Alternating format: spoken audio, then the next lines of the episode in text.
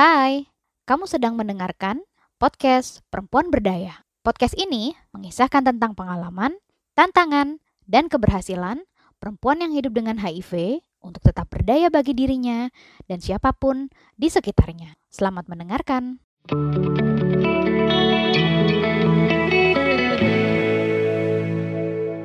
Mas Farid, uh, karena waktu kita nggak lama, cuma sejam, uh, aku pengen langsung mulai aja nih karena pertanyaannya tuh uh, apa namanya seru dan aku penasaran sama jawaban-jawabannya supaya teman-teman di luar sana juga bisa memahami ya kenapa sih penting pemeriksaan HIV pada pasangan intim. Nah, sebelum kita masuk ke topiknya, Mas Farid kenalan dulu dong biar se-Indonesia tahu Mas Farid ini siapa, nama lengkapnya, lembaganya apa, terus kemudian uh, apa namanya aktivitas sehari-hari di lembaganya seperti apa. Mungkin juga bisa cerita sekalian uh, apa sih uh, apa ya mandatnya lembaga yang uh, Mas Farid bekerja sekarang. Itu Mas. Ya. Silakan. Baik, Mbak. Terima kasih sebelumnya. Uh, ya, selamat malam kawan-kawan uh, semuanya, sahabat TV Indonesia. Uh, perkenalkan, saya Farid Habibi. Saya kebetulan sehari-hari di Yayasan Mameru sebagai direkturnya yang secara aktivitas kami itu uh, beraktivitas untuk mendampingi teman-teman dengan HIV ya kemitraan kami dengan teman-teman kelompok Dewan Jubaya di Jawa Timur. Jadi aktivitasnya lebih kepada bagaimana memberikan edukasi, kemudian penguatan informasi kepada teman-teman dengan HIV dan keluarganya begitu. Nah, untuk di dua tahun terakhir ini kita mulai ada tambahan aktivitas dengan uh, yang sekarang kita diskusikan ini yaitu tentang bagaimana mengajak pasangan intim itu mereka sampai pada testing dan lain-lainnya begitu kurang lebihnya mbak dan untuk okay. wilayah kerja kami di Jawa Timur sementara ini masih di Jawa Timur untuk 24 kabupaten kota okay. dari 38 kabupaten kota di Jawa Timur jadi kurang lebih sudah tiga perempatnya lah insya Allah kami ada di kabupaten kota di Jawa Timur begitu okay. Mbak Ayu. Oke. Okay ini banget ya, uh, kerjaannya banyak, wilayahnya luas, terus sekarang ada pandemi, jadi luar biasa nih. Betul, ekstra upayanya ekstra keras karena memang situasinya yeah, yeah. seperti ini dan bagaimana mencari apa ya terobosan atau ngakali lah gitu bahasa Jawanya ngakali situasi ini untuk tetap bisa memberi manfaat kepada teman-teman yang lain. Oke. Okay. Nah, uh, dengan dengan uh, situasi seperti tadi nih Mas, uh, rasanya mungkin teman-teman udah mulai sering denger nih sedikit-sedikit gitu ya uh, ada istilah notifikasi pasangan ya uh, apa namanya uh, mungkin kita kita yang terbiasa di apa namanya manajemen atau kemudian di program itu paham gitu tapi banyak nih yang iya. nggak yeah. nge sebenarnya Mas Farid boleh nggak sih jelasin sebenarnya apa sih uh, program notifikasi pasangan itu Mas? Oke okay. baik mbak uh, sedikit sejarahnya dulu jadi kami berkenalan dengan notifikasi pasangan itu sekitar 2019 dan secara programatiknya begitu. Tapi kalau secara aktivitas mungkin kita semuanya sudah melakukannya. Cuman karena tadi sepakat yang disampaikan secara programatik itu baru digeber atau diperkenalkan mungkin untuk di komunitas 2019 kurang lebihnya begitu. Dan bersama CIP Jaringan Indonesia Positif kalau kami perkenalannya. Nah, eh, notifikasi pasangan sendiri adalah salah satu pendekatan untuk mendukung teman-teman dengan HIV yang memiliki pasangan di mana yang mereka masih belum terbuka status HIV-nya kepada pasangan hmm. satu. Dan kemudian kalaupun sudah terbuka bagaimana mengajak pasangan tersebut untuk mengetahui status HIV-nya artinya kemudian endingnya adalah testing HIV itu yang eh, saat ini dilakukan dalam konteks notifikasi pasangan. Meskipun layanan kesehatan sudah melakukannya sudah lebih awal dibandingkan kita di komunitas begitu kalau kita tahu dari dulu layanan kesehatan selalu ketika ditemukan positif HIV, dia akan ditanya kemudian ada pasangan terdekat, orang terdekat dan lain-lainnya, sehingga mereka akan didorong untuk tes. Nah sekarang lebih diperkuat dengan melibatkan bagaimana teman-teman di komunitas itu mereka juga mampu menggali, mendapatkan informasi terkait dengan apakah teman-teman yang teman-teman yang terinfeksi HIV itu memiliki pasangan uh, yang belum mengetahui status HIV-nya. Nah, sehingga kemudian orang uh, pasangan ini yang nanti akan didorong untuk mengetahui status HIV-nya. Begitu, Mbak. Oke, oke. Berarti memang sebenarnya dari dulu udah dijalankan uh, di layanan kesehatan, lantas kemudian sekarang yeah. uh, tugas mulia ini dijalankan juga sama teman-teman yang uh, apa namanya selama ini memang mendampingi orang-orang yang mau tes atau kemudian menjangkau orang-orang yang beresiko. Sekarang ekstra tugasnya. Jadi kalau udah ketemu yang Ditambah. positif, dicolek nih punya pasangan gak yeah. gitu ya. Tes dulu pasangannya atau kemudian udah terbuka belum. Nah, dari tadi kita menyebut yeah. kata pasangan-pasangan. Sebenarnya pasangan seperti apa sih Mas yang kemudian masuk kepada kriteria yang harus dinotifikasi atau diketahui gitu ya status HIV-nya? Ya, kalau yang saat ini yang kami lakukan itu ini berapa lapangan ya Mbak.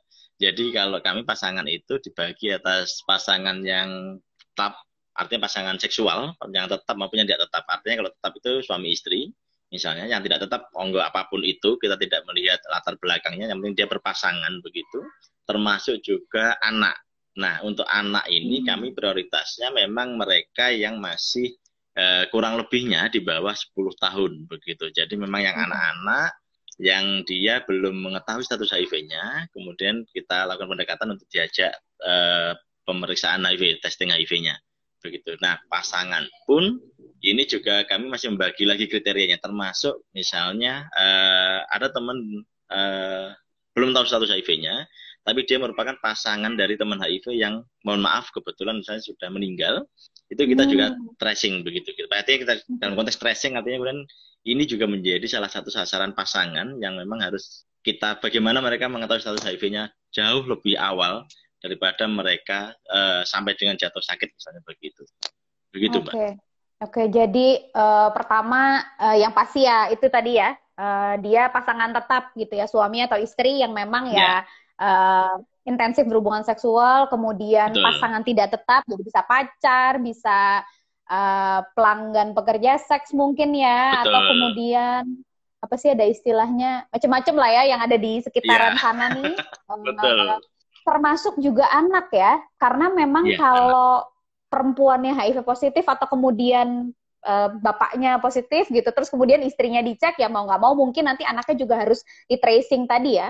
Betul, ada potensi juga kan kemudian anak ada ini menerima ya ada potensinya sehingga kemudian kita bagaimana itu tergali dan uh, si anak juga diketahui lebih dini gitu karena sebagian kita ketemu di beberapa kasus di lapangan itu teman-teman yang hamil mereka ketahuan HIV-nya setelah melahirkan misalnya begitu. Jadi kemudian anak itu sudah lahir, ini juga harus kita bagaimana ini segera dilakukan pemeriksaan. Dengan sekarang ada EID dan lain-lainnya itu cukup membantu kita di lapangan untuk bagaimana ini dipercepat statusnya. Kalau di era lama kan kita tahu eh, pemeriksaan untuk bayi kan masih menunggu 18 bulan begitu iya, zaman dahulu. Betul. Kalau sekarang kan lebih cepat begitu. Nah, ini menjadi menurut kami ini menjadi salah satu harapan besar buat anak-anak begitu yang kemudian bisa uh, apa yang harus dilakukan selanjutnya begitu kalau sudah diketahui status HIV-nya.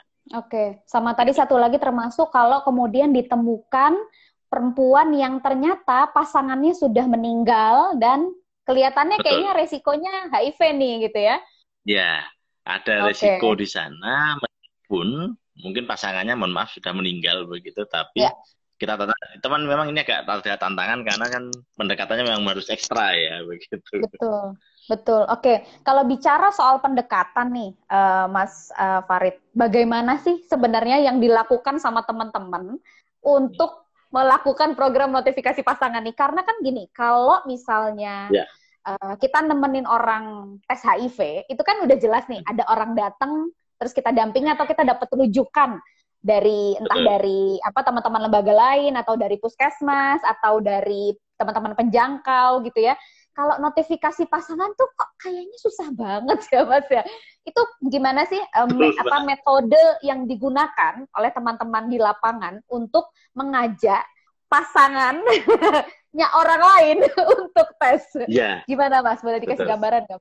Ya, kalau di KDS Kependudukan Sebaya kalau kita ingat zaman-zaman dahulu itu kan sebenarnya ini dilakukan sudah dilakukan oleh kawan-kawan begitu Pak. Artinya ketika orang tes kemudian hasilnya reaktif maka biasanya uh, si teman KDS akan bertanya punya pasangan punya anak enggak nah dulu kalau hmm. terkesannya kalau itu sebenarnya simpel banget begitu ternyata begitu ini dimasifkan gerakannya artinya menjadi program begitu tantangannya jadi lebih banyak karena uh, apa ya sasaran juga menjadi meluas begitu. Kalau salah satunya tadi misalnya kalau terkait dengan pasangan yang pasangan oh si teman HIV-nya sudah meninggal begitu. Nah, kami biasanya melakukan kalau uh, ada dua model begitu, Mbak. Satu untuk yang pasangannya masih ada dan masih hidup artinya satu hmm. untuk pasangan yang sudah meninggal. Nah, yang hidup yang masih hidup ini biasanya kami akan memulai dari teman yang sudah kenal lama dulu. Gitu. Artinya okay. kenal lama itu di atas enam bulan lah. Kita sudah kenal, artinya kemudian ada kepercayaan, trust kepada kita untuk bagi dia mau membuka informasi yang lebih luas lagi terkait pribadinya karena ini kan masalah pribadi ya. Betul. Gitu. Nah, uh, pertanyaan pertamanya adalah apakah ada orang lain yang tahu uh, status HIV-nya di lingkungan terdekatnya? Artinya di keluarga inti misalnya. Kalau dia sudah menikah, apakah hmm. suami atau istrinya dan anaknya sudah tahu? Kalau dia belum menikah atau misalnya uh, dia tinggal dengan keluarga inti, apakah bapak, ibu, adik, kakaknya sudah ada yang tahu? Itu yang kita dorong dulu begitu.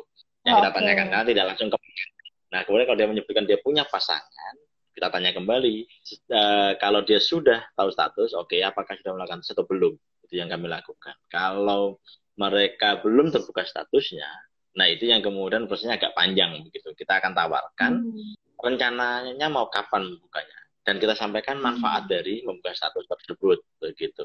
Manfaatnya ada banyak. Misalnya bisa memutus rantai penularan misalnya. Kemudian ada perencanaan kehidupan ke depan dan lain-lainnya begitu. Nah dari hal itu kemudian eh, kalau si pasangan tadi bersedia nah, bisa ditemui belum kita belum ngomong testing tapi masih bersedia ditemui maka dilakukan edukasi bagaimana hmm. tentang manfaat dari pemeriksaan HIV ini bagaimana nanti ketika hasilnya keluar. Kalau reaktif, apa yang harus dilakukan? Kalau non reaktif, apa yang harus dilakukan? Edukasi itu masih tetap diberikan untuk meyakinkan bahwa tes ini uh, lebih besar manfaatnya. Begitu. Ya. Tes ini masih rahasianya masih terjaga kok. Hmm. Nah itu yang kemudian kita sampaikan. Persoalan keputusan dia tes atau tidak, akhirnya kita tetap kembali kepada pasangan. Betul. Nah kami dalam konteks notifikasi pasangan tidak diperbolehkan untuk melakukan pemaksaan dalam tanda kutip. Baik hmm. memaksa membuka status kepada pasangan maupun memaksa orang untuk melakukan testingnya. Ada dua hal karena membuka status ini sangat penting dan melakukan testingnya. Jadi dua hal ini yang kemudian menjadi uh, goal kami dalam notifikasi pasangan. Karena kalau tidak terbuka status kepada pasangan akan susah juga mengajak mereka untuk melakukan testingnya. Jadi hal yang pertama adalah bagaimana membuka status kepada pasangan. Yang kedua kemudian baru ngomong tentang kapan atau bersediakah untuk melakukan tes HIV. Itu Mbak yang kami lakukan. Oke, waduh. Aku tuh jadi terngiang-ngiang nih Mas. Pengalaman zaman tahun 2010 11 masih di lapangan dan itu belum jadi tugas kami. itu masih jadi tugasnya dokter.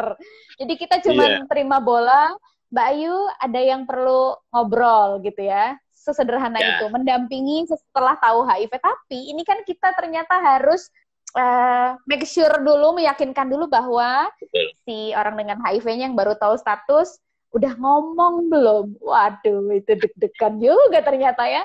Kalau udah ngomong gimana, kalau belum ngomong gimana, itu belum selesai ternyata. Yeah. Harus ngajak pasangannya untuk tes. Nah, berarti Betul banyak tantangan dong mas yang ditemukan nih.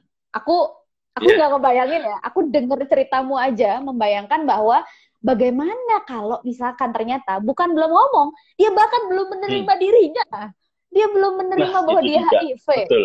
Nah, itu tantangan-tantangan apa aja sih Mas yang yang kemudian ditemukan saat teman-teman di lapangan e, menjalankan program notifikasi pasangan? Ya, Mbak, uh, tantangannya yang pasti ada sama dengan Mbak Ayu sudah sampaikan ketika uh, teman HIV ini, teman dengan HIV ini dia belum menerima statusnya, masih denial, menolak gitu bahwa kemudian dia terinfeksi HIV begitu.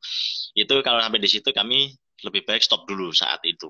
Tapi nanti kita hmm. cari waktu yang tepat untuk kemudian didiskusikan. Itu tantangan yang memang cukup berat untuk yang teman-teman yang baru status terutamanya. Mas aku hmm. potong dulu. Ya. Kalau misalkan ketemu yang kayak ya. gitu, dikasih waktu berapa lama tuh untuk sampai akhirnya didatengin lagi terus tanya kabar lagi, piye kabare, gimana, udah sehat Kami, belum, hati. Sudah satu bulan, nanti kita akan tanya. Kita, iya, kita senggol sedikit tentang misalnya terkait membuka status. Kalau dia masih membelokkan pembicaraan atau dia masih ah oh, enggak ah misalnya begitu ya udah kita pending dulu gitu kita tunda lagi begitu. Karena balik lagi bahwa kita tidak bisa memaksakan begitu untuk oh. menyampaikan informasi tersebut. Kalaupun kita paksakan memberikan informasi mungkin dia mendengarkan tapi tidak tidak dia pahami begitu. Malah menurut kami akan menambah stresnya si uh, teman dengan HIV ini begitu. Itu tantangan pertama. Tantangan keduanya adalah masih banyak teman-teman yang tahu status HIV-nya itu belum membuka status HIV-nya kepada pasangan hmm. begitu. Teman-teman dengan HIV nge, ya, ngekip statusnya untuk dirinya sendiri gitu. Pasangan terdekatnya tidak tahu orang tuanya tidak tahu misalnya. Jadi itu juga menjadi tantangan sehingga uh, kita akhirnya oke okay, kita kembali lagi bahwa kemudian kalau dia membu belum membuka kita bantu dorong untuk bagaimana dia membuat merencana membuka statusnya. Kapan nih misalnya dengan cara seperti apa misalnya begitu. Itu yang hmm. coba kita lakukan enggak begitu. Pernah berikutnya sorry, mas, potong lagi. Hmm? Pernah ada yang bilang nggak alasan alasan paling umum teman-teman nggak mau buka status ke pasangannya apa? Sebelum kembali ke tantangan ya. yang lain. Ya, yang pasti takut dikucilkan, Mbak. Takut okay. dikucilkan ini dibagi uh, yang paling muncul, paling banyak muncul. Artinya gini, dikucilkan itu ada beberapa hal.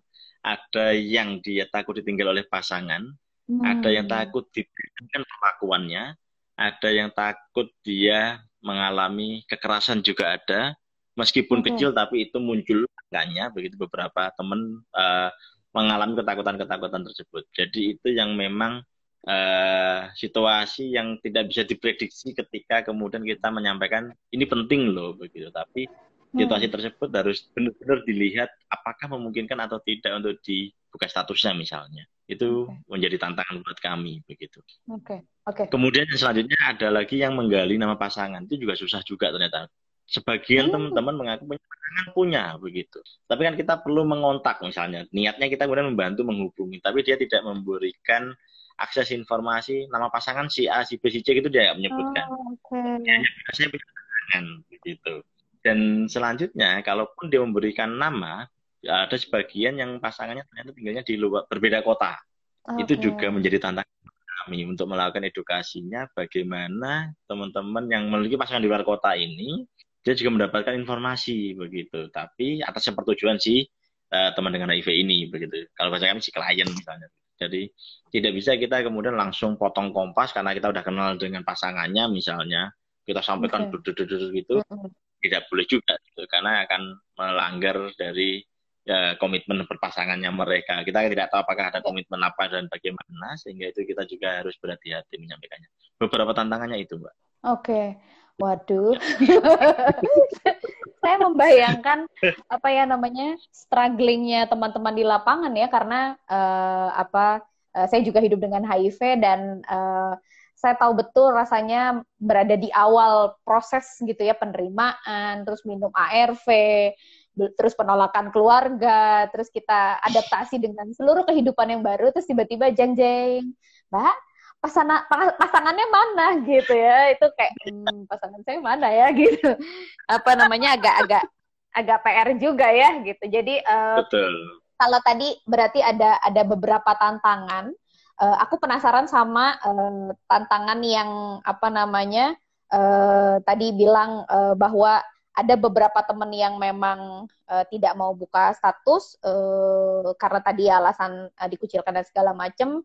Uh, tapi mungkin juga pada akhirnya ada yang mau, tapi kemudian uh, berarti kan harus ada tahap uh, memberikan edukasi ya kepada mereka. Nah itu uh, itu cara menyiasatinya gimana, Mas? Apakah teman-teman uh, yang uh, sudah tahu HIV ini kemudian dibiarkan buka status sendirian?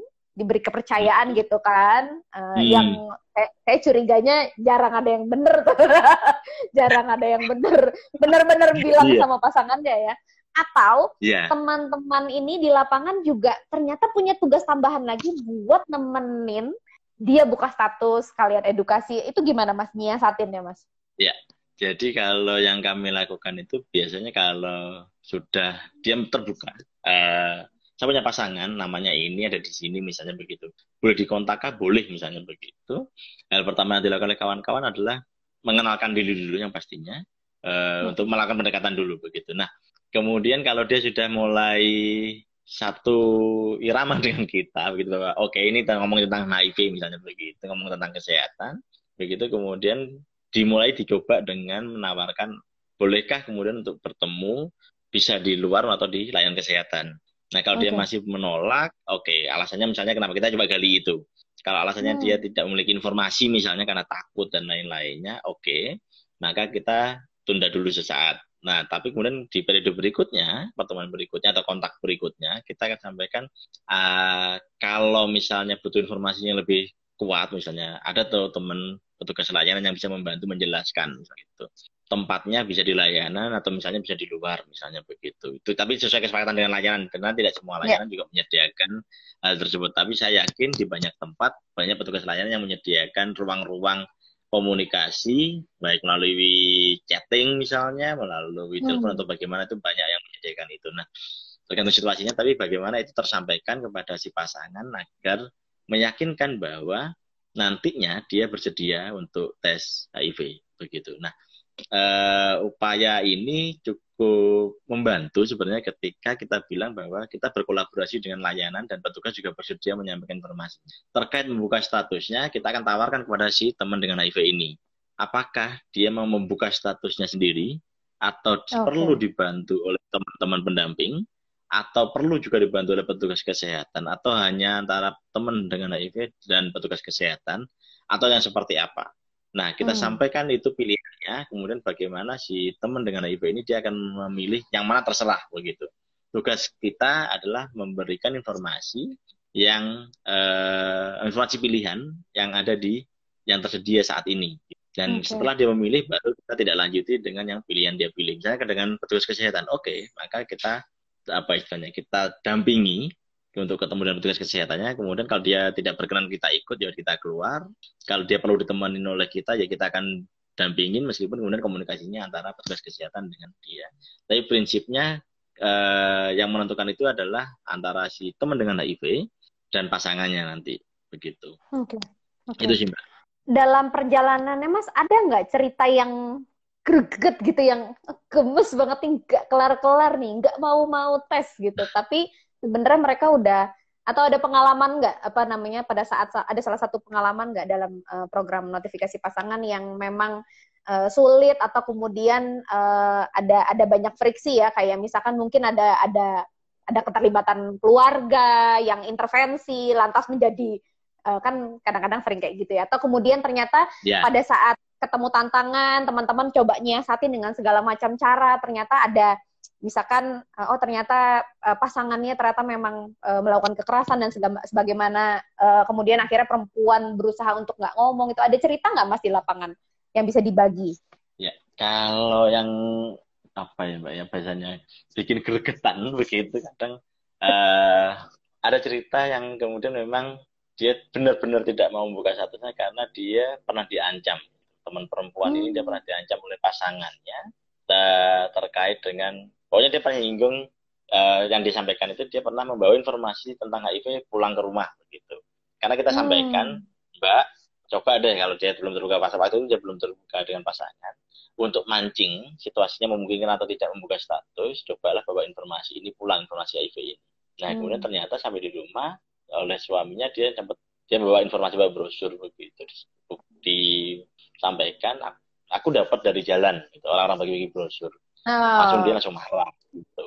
Uh, kalau sampai kamu terinfeksi HIV, misalnya ada bahasanya kalau bahasa Jawanya tak antemi, tak pukulin begitu, aku pukulin. Oh, ya itu yang kemudian akhirnya nggak berani membuka ya udah deh kalau seperti itu kita stop kita udah nggak berani melanjutkan lagi karena resikonya ada di temen dengan HIV ini begitu temen yang punya status gitu. nah itu yang udah nggak berani mendingan uh, si dalam kasus mbaknya ini ya udah itu keputusannya ada di si mbaknya sendiri. Begitu bagaimana eh, langkah ke depannya kalau terkait pengobatan dia tetap bisa berobat. Tapi untuk pasangan ini yang kemudian ini terpending untuk statusnya. Ya udah kami juga nggak berani memaksakan begitu. Ya, ya. itu membuat kami gregetan. Kita tawarkan apakah kemudian mau sampai pada mohon maaf kemudian sampai pada kemudian tindak tindak lanjutnya. Misalkan sempat dipukul begitu. Dia bilang nggak usah mas karena nanti akan meluas terbuka dan hmm. banyak orang dan itu masih ada banyak terjadi di kawan-kawan.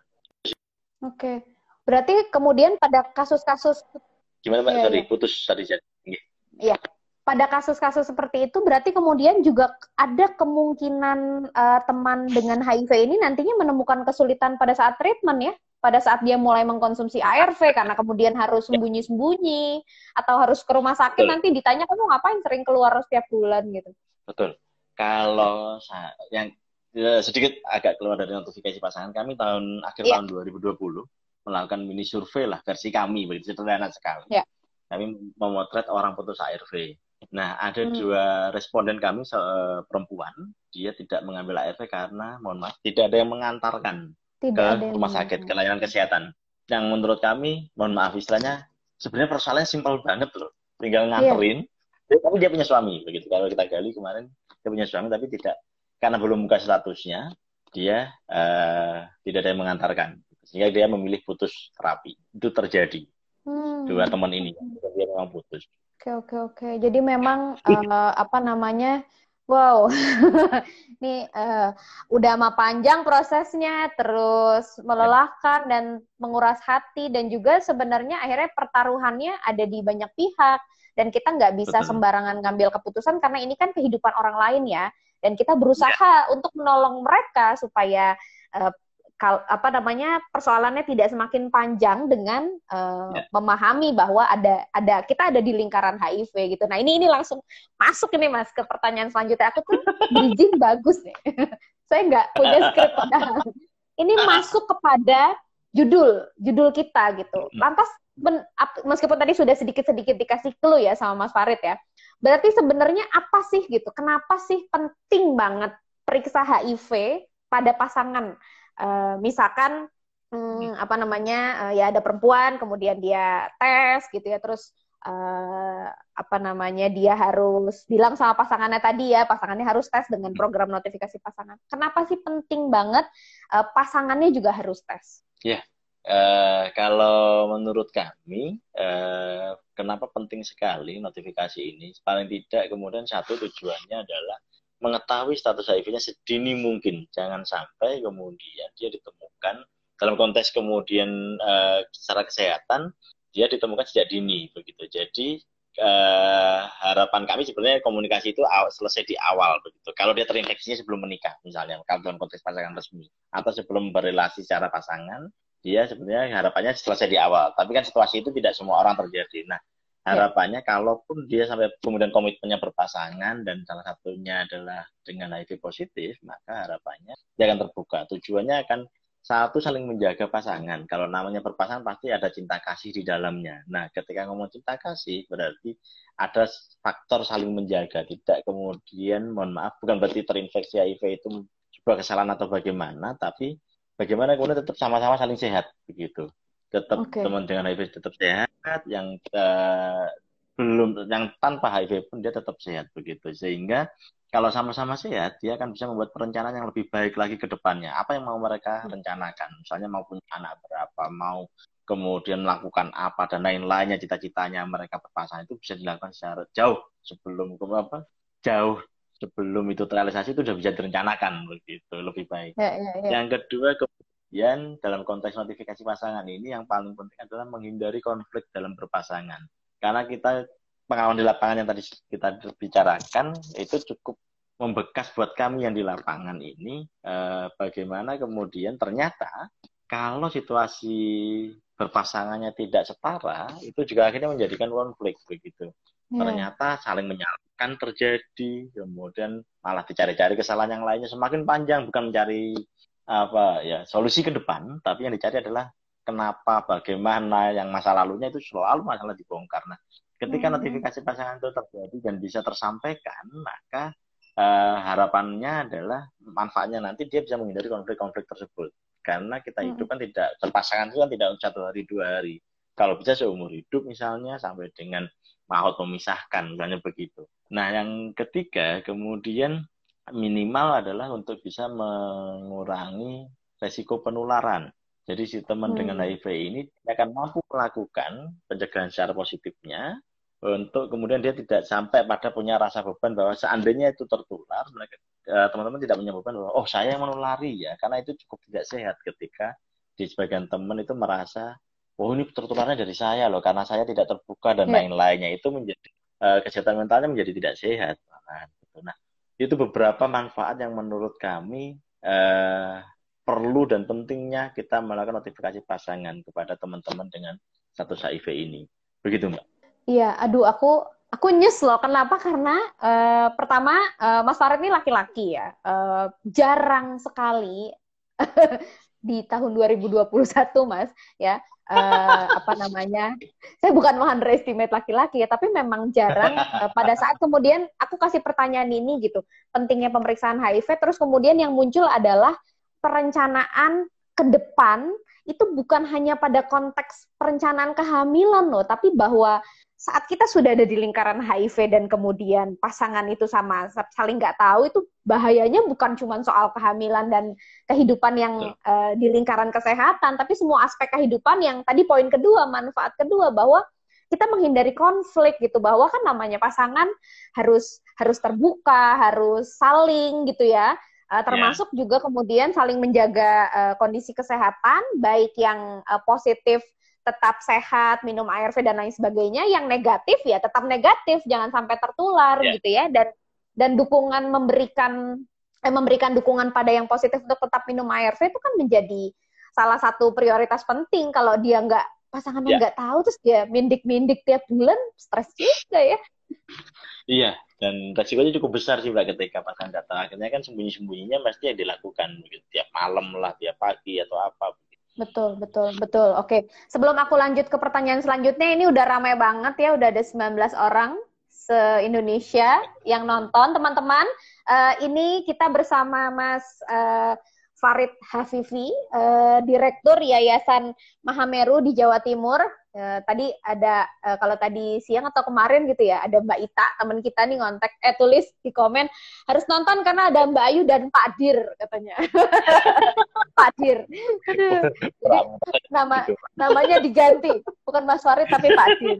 Gitu. jadi teman-teman kita sedang membicarakan perihal pentingnya pemeriksaan HIV pada pasangan intim jika teman-teman terlambat menyaksikan karena memang sudah sekitar tujuh pertanyaan saya lontarkan bahkan lebih mungkin kepada Mas Farid nanti bisa ditonton lagi Instagram live-nya karena akan kami simpan di IGTV IP dan audionya akan kita upload ke podcast IP. Jadi masih bisa didengerin jangan khawatir. Masih punya Mas Farid di sini. Ini waktunya sangat berharga jadi harus kita tanya lagi.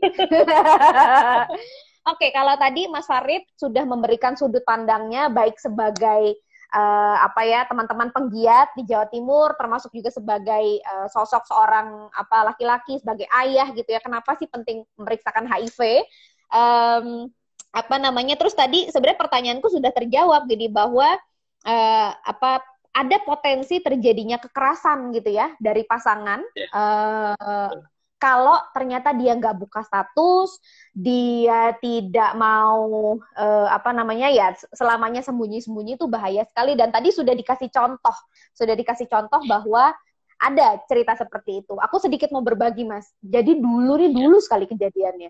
Ini kayaknya mukjizat Tuhan. Tapi sampai sampai sampai hari ini saya masih men menjaga me menjaga dari jauh. Jadi saya punya teman. Jadi ini bukan dampingan saya ya. Jadi saya sudah tahu saya HIV, saya sudah terjun ke lapangan saya dulu jadi pendamping, lalu kemudian suatu hari ada seseorang yang seorang teman yang menghubungi saya ngasih tahu bahwa teman kita nih uh, kayaknya uh, kayaknya nih yuk ya gitu. Kayaknya HIV kamu tahu dari mana? Aku bilang gitu. Karena anaknya sedang kritis. Anaknya sedang kritis di rumah sakit di Jakarta ceritanya.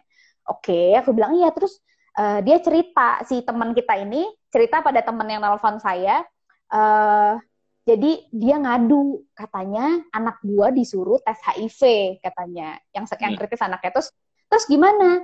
Ya udah gitu. Tapi sampai akhirnya anaknya meninggal, si tem ayahnya ini nggak ngomong sama teman kita ini apa hasilnya gitu. Terus saya takut kan karena saya tahu banget teman kita ini kayak apa gitu karakternya karena teman main kan.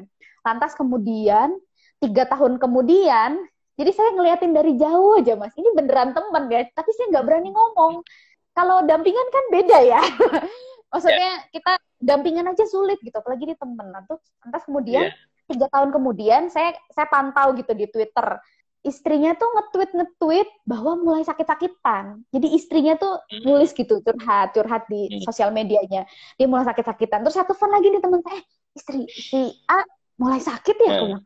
Tuh ngobrol dong, kamu ngobrol lah sama dia, jangan saya. Kalau saya kan berarti ini udah orang ketiga loh gitu kan, jangan saya nggak mungkin gitu.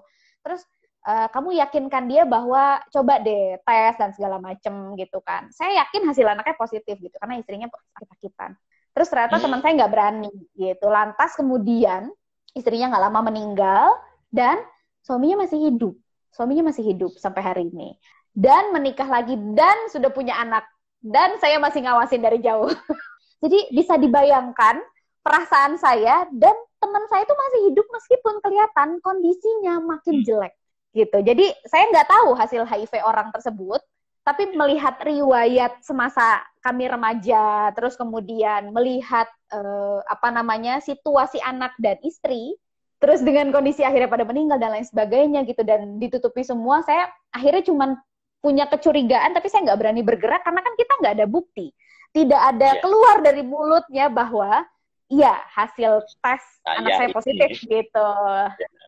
Termasuk dia juga saya yakin nggak mau cerita, mungkin denialnya besar sekali dan ini sudah masuk tahun ke-8 berarti. Dan dia masih hidup gitu. Jadi saya pikir, aduh saya takut istri dan anak yang sekarang kenapa-napa. Jadi bisa bisa dibayangkan bagaimana perjuangan teman-teman di Jawa Timur dan tentunya di seluruh Indonesia yang di lapangan membantu. Ini tujuannya udah membantu loh, gitu. tapi kok angel apa ya, keras kepala. Luar biasa ya saya. Iya saya nggak bisa berkata-kata.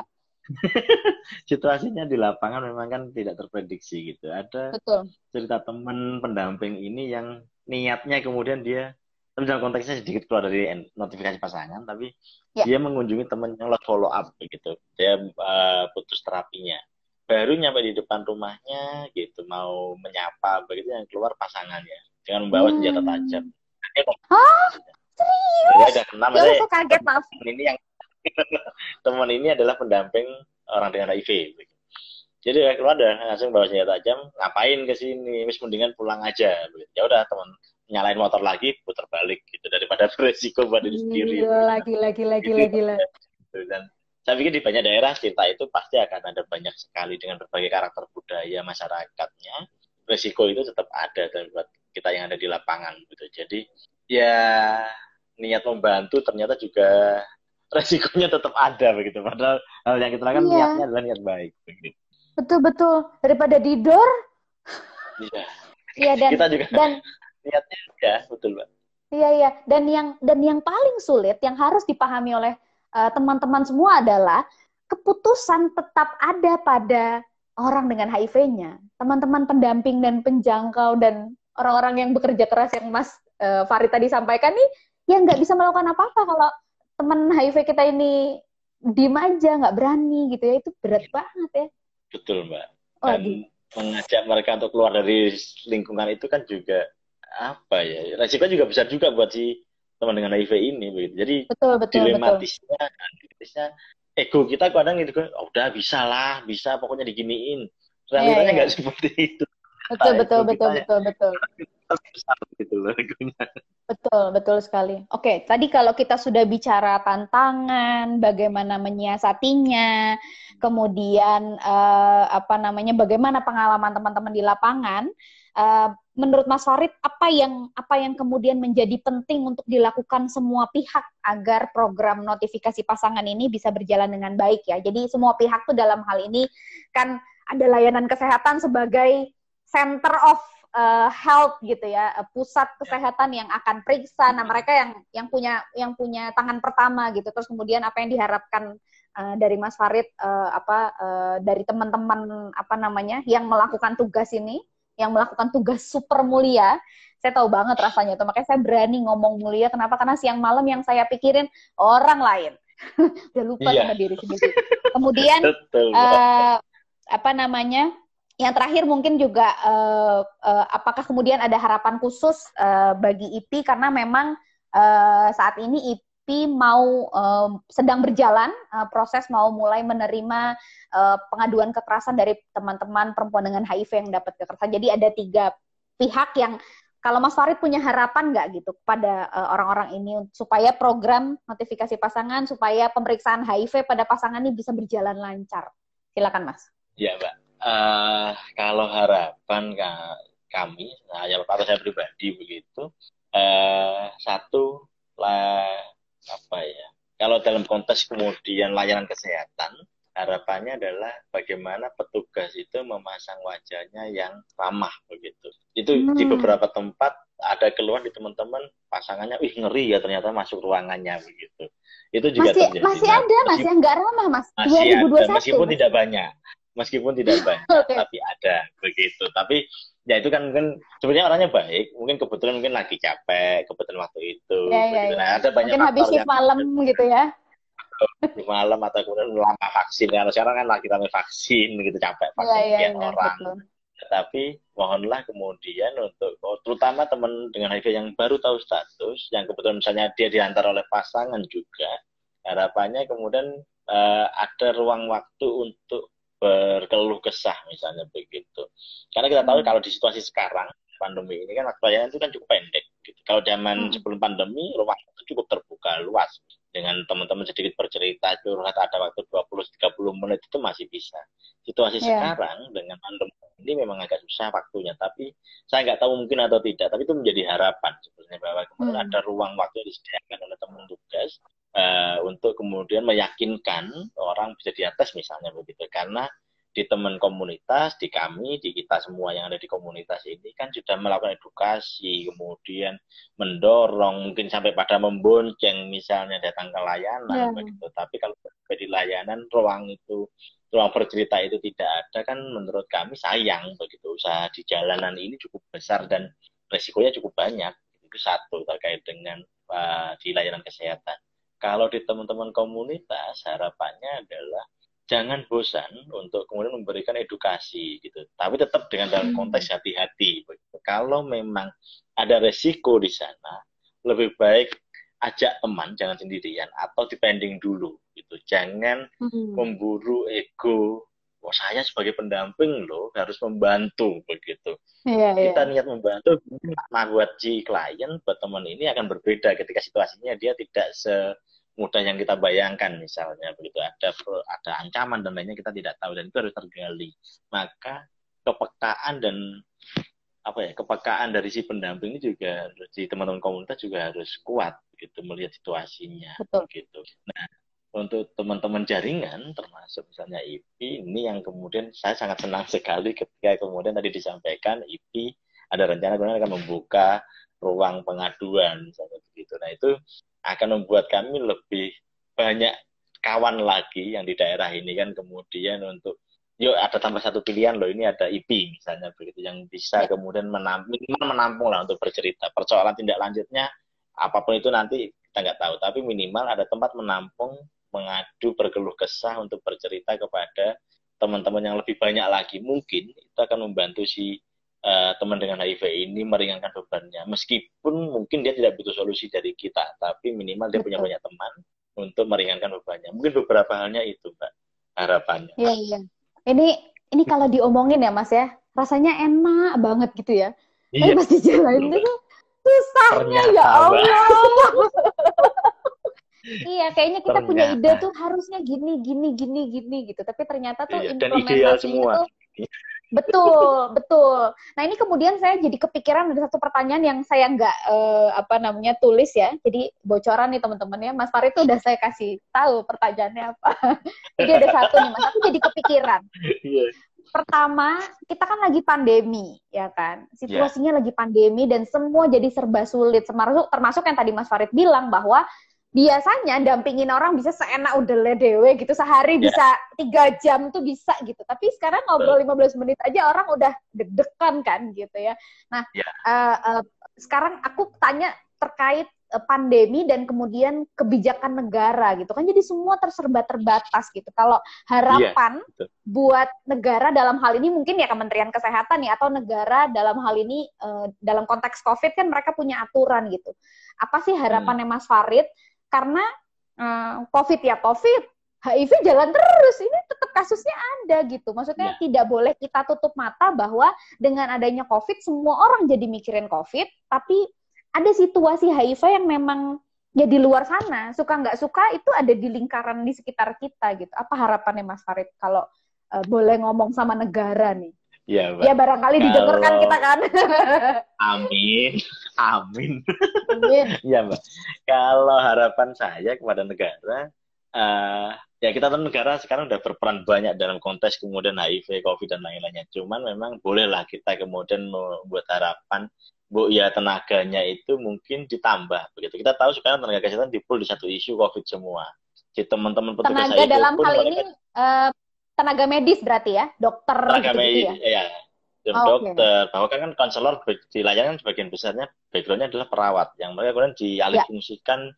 sekian jamnya untuk pelayanan COVID atau misalnya vaksin okay. dan lain-lainnya sehingga kemudian sampai di ke layanan HIV tinggal capeknya misalnya tinggal sekian hmm. waktunya begitu dan kita tidak menyalahkan mereka untuk capek gitu cuman bu ya ada saya nggak tahu pak apakah kemudian ditambah tenaga kah atau kemudian mungkin jam layanannya yang dirubah menjadi di waktu yang misalnya lebih longgar misalnya sore atau bagaimana misalnya begitu iya, iya. dan kemudian itu menurut kita lebih ramah sehingga orang yang melayani juga tidak terkesan memaksakan diri begitu pak Hmm. Karena kita tahu pasti kalau mereka udah capek, udah taruh di situ, obatnya apa, ada keluhan nggak? Enggak, ya udah langsung kirim, kirim selesai. Ya nggak salah gitu, tapi bolehlah kita bercerita sedikit bergibah sedikit itu kan meringankan beban betul, kita. Betul. gitu. betul betul betul kita betul. lebih fresh begitu. Itu iya, iya, iya. kalau kami sih berharapnya ada ruang komunikasinya lebih ter terbuka begitu. Ya kita tahu resiko COVID-nya kalau di layanan pasti akan lebih banyak. Misalnya saya nggak tahu apakah kemudian bisa dipindahkan di ruang terbuka mungkin, tapi menjadi tidak rahasia atau tidak nyaman juga. Nanti itu juga dilematis. Tapi uh, situasi sekarang ini membuat kita jadi dilematis juga. Kita punya ide taruh di parkiran misalnya, ternyata di parkiran jadi tidak nyaman ngomongin HIV. Taruh di dalam ruang tertutup resikonya COVID. Ya, ya, ya. DPR ya mas ya, DPR di bawah, di bawah pohon, rindang. Kalau masih ada, Mbak. Kalau masih, masih ada. ada pohon. Pas ditebang-tebangi gitu. juga. Wah, iya, iya, iya, iya. Beberapa oke, oke, oke. itu Jadi memang konkret ya, eh, harapannya adalah ya tenaga kesehatannya ditambah atau kemudian jadwalnya diatur. Kayak misalkan memang kalau ya kalau memang harus berbagi badan ya, sama seperti kita juga nih kayaknya sedang membelah diri semua nih ya kan teman-teman juga gitu ya.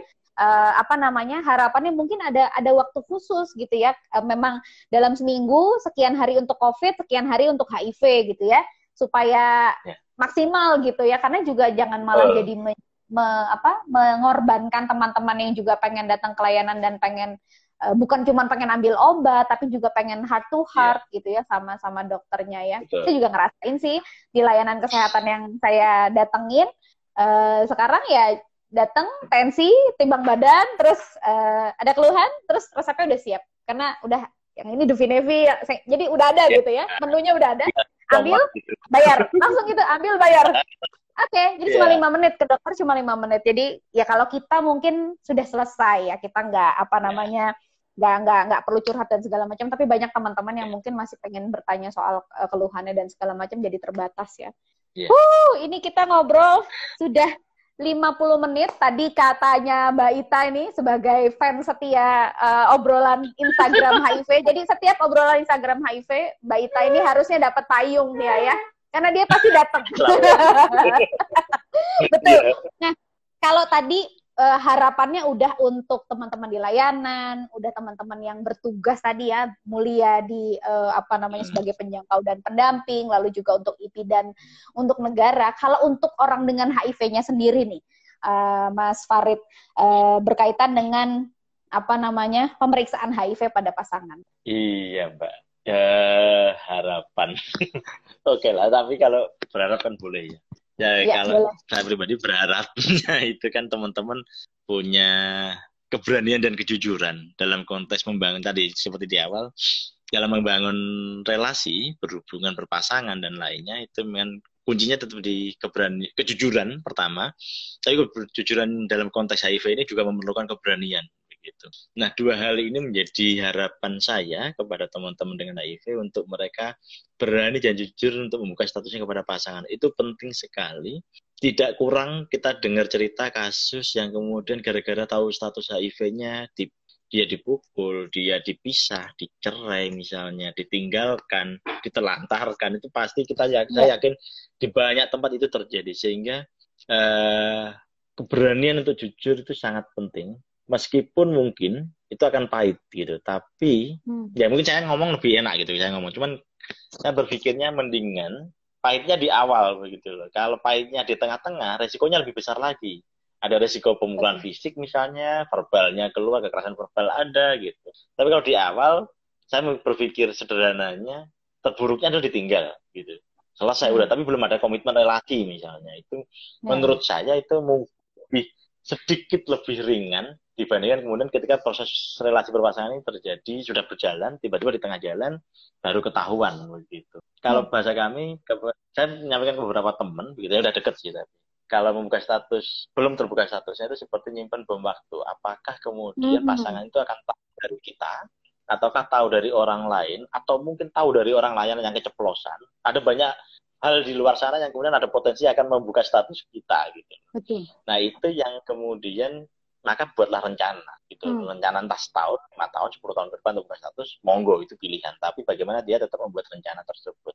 Itu harapan saya. Jadi kejujuran berani jujur untuk membuka status itu mungkin sangat diperlukan sangat penting sekali. Mungkin teman-teman menganggapnya wah Farid ngomongnya nggak gampang gitu. Tapi yang jalanin susah begitu. Tapi ya betul, berharap betul. lah itu saya ya itu. Sehingga kemudian kesehatan mental tetap terjaga kepatuhan ARV-nya tetap bisa berjalan tanpa kemudian ada ketakutan-ketakutan yang lain. Begitu sih Mbak harapannya. Iya.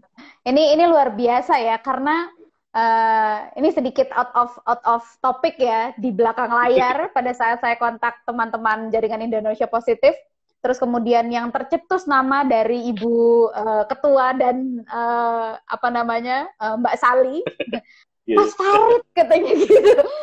Saya saya nggak terbayangkan bahwa uh, maksudnya gini, ini kemudian pentingnya uh, menurut saya ya, uh, uh, Mas Farid juga sebagai seorang laki-laki gitu ya, uh, juga speak up uh, dalam konteks ternyata pentingnya pemeriksaan HIV salah satunya adalah tadi untuk mencegah kekerasan, untuk merencanakan pernikahan ke depan bukan hanya soal kehamilan tapi soal yang lebih besar ya kehidupan. Yeah. Bahkan tadi saya saya meng-highlight tiba-tiba bukan tiba-tiba ya di akhir Mas uh, Farid juga memention soal kesehatan mental, kepatuhan HRV ini luar biasa. Ini ini teman-teman yang nonton ya, ingat ya kalau orang Bandung bilang omat uh, harus didengar nih uh, nasihatnya Mas Farid, harapannya Mas Farid supaya kita bisa justru mencegah HIV dari ruang terkecil, dari rumah tangga sendiri, dari lingkaran uh, sendiri dan dan aku happy banget karena luar biasa informasi yang disampaikan. Dan ini teman-teman ya ada ada Mbak Ria nih Korprov IP yang bilang dua jam katanya.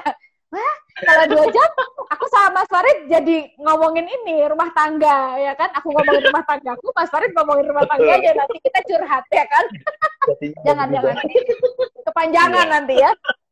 Oke Mas Farid thank you banget matur suwun sangat terima kasih ada ada yang mau disampaikan lagi nggak Mas uh, untuk closing statement secara menyeluruh berkaitan dengan uh, program notifikasi pasangan yang memang lagi apa ya namanya empot-empotan dijalankan oleh uh, seluruh teman-teman se-Indonesia untuk berkontribusi pada pencegahan uh, kasus HIV baru. Silakan Mas.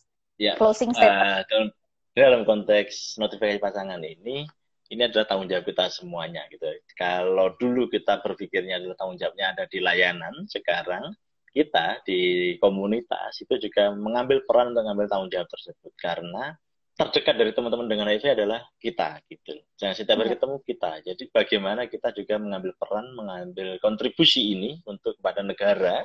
Uh, bagaimana kawan-kawan di luar sana yang belum tahu status itu segera tahu status uh, HIV-nya sehingga mereka bisa membuat perencanaan yang lebih baik lagi untuk ke depannya. Begitu, Mbak. Baik, terima kasih banyak Mas Farid atas uh, ini kita ah, malam minggu kita lagi malam mingguan loh ini loh. Malam, mingguan ini ngomongin HIV luar biasa. ah, baiklah.